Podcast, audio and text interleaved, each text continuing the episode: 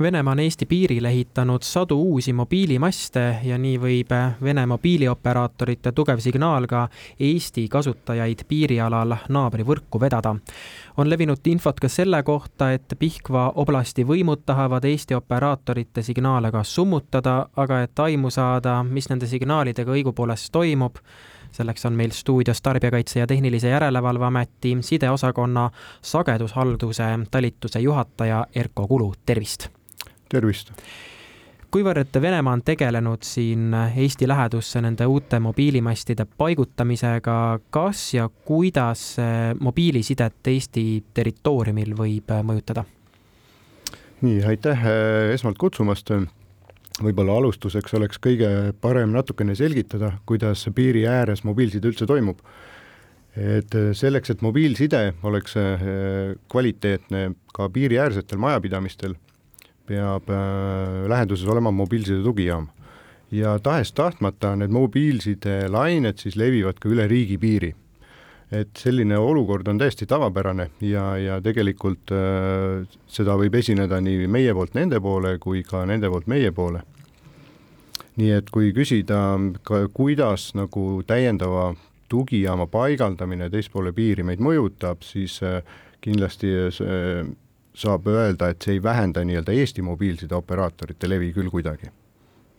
aga see teade, mis on tulnud, et proovitakse neid Eesti operaatorite signaale summutada, kas äh, oleme me näinud siin viimasel ajal, et käib kuidagi see summutamine tahtlik? Äh, sellist äh, olukorda me ei ole küll täheldanud, et tahtlikult mobiilsidesignaale keegi summutaks.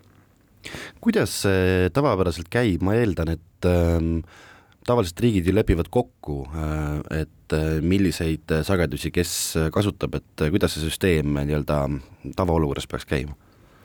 Äh, tavaolukorras, nagu ma ka eelnevalt mainisin, et äh, see, et raadiosignaalid nüüd üle piiri levivad ühele poole, teisele poole, on täiesti tavapärane ja selleks on äh, sõlmitud raadiosageduste koordinatsioonilepingud, mida, mida Eestil on siis circa kümmekond ja mille sellist regulaarselt täitmist me siis ka nii-öelda kontrollime ja see leping, mis on sõlmitud, no see on vist juba siin üle kahekümne aasta tagasi ju sõlmitud, et äh, kuidas selle lepingu täitmisega meil siin viimasel ajal on olnud, et noh, teatavasti idanaaber ei ole meil ju sõbralik mm. -hmm.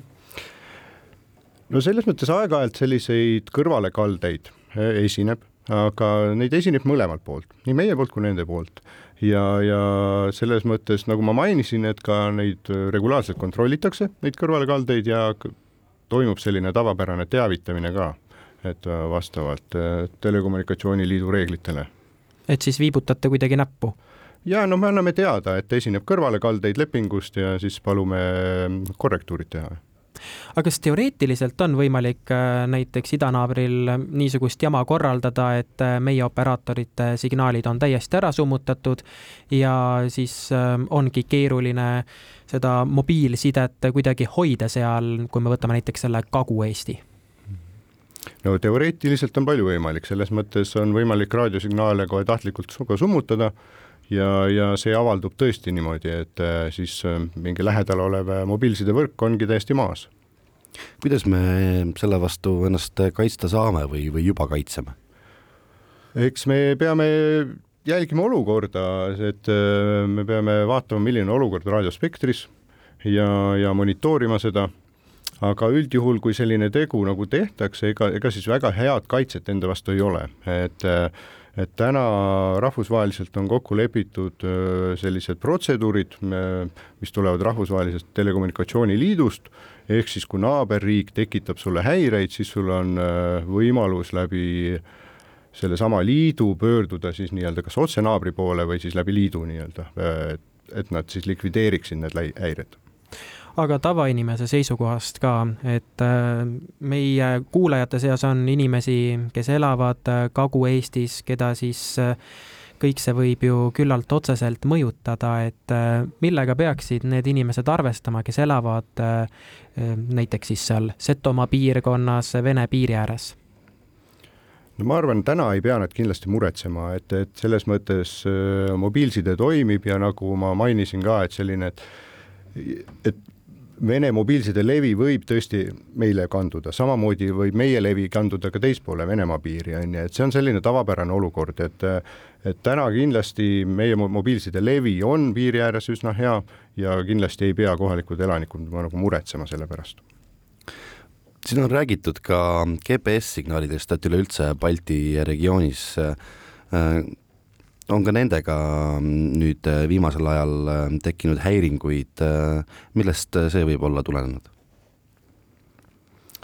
jah, et mu GPS-i häiringutega seoses nüüd tõesti oleme täheldanud häiringute tõusu et seda juba tegelikult üsna pikemat aega, et meie jaoks algas selline mõõdukas häiringute tõus eelmise aasta juunist, et ja, ja kus me oleme seda nagu täheldanud, et see on pigem nii-öelda kõrgel Eesti õhuruumis, et maapealseid GPS-i seadmete kasutamist see tegelikult ei mõjuta, et tavakodanikule see kuidagi mõju ei avalda. aga kellele see võib avaldada? no kõige, kõige rohkem, nagu ma mainisin, on ta tuntav seal kõrgemal Eesti õhuruumis, et, et tõenäoliselt näevad äh, õhusõidukid, lennukid neid, aga samas ma võin ka kinnitada, et õhusõidukite äh, liiklust see kuidagi ei mõjuta, et neil on navigeerimiseks kindlasti dubleeritud vahendid ja hoopis teised meetodid. aga need häiringud, mis seal siis on, et milles need siis väljenduvad?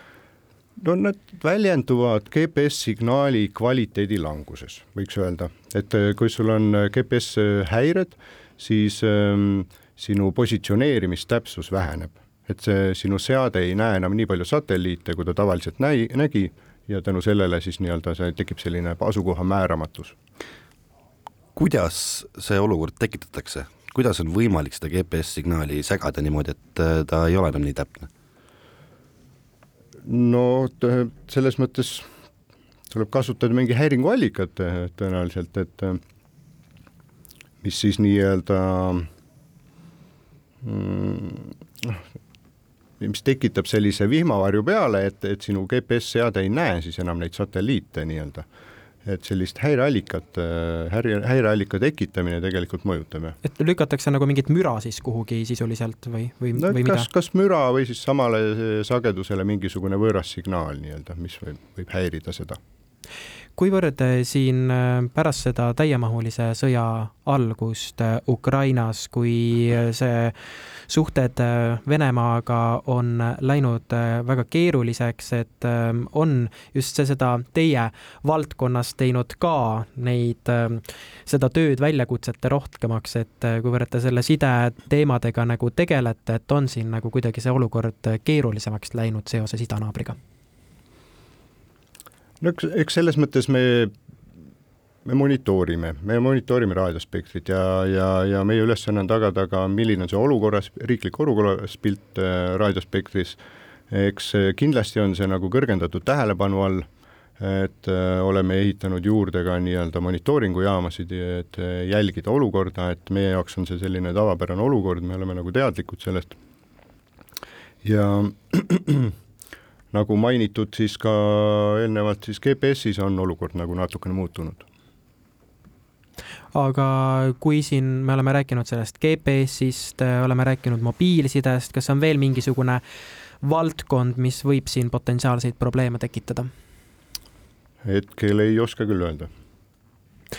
aga suur aitäh selle intervjuu eest, Tarbijakaitse ja Tehnilise Järelevalve Ameti sideosakonna sagedushalduse talituse juhataja Erko Kulu aitäh teile!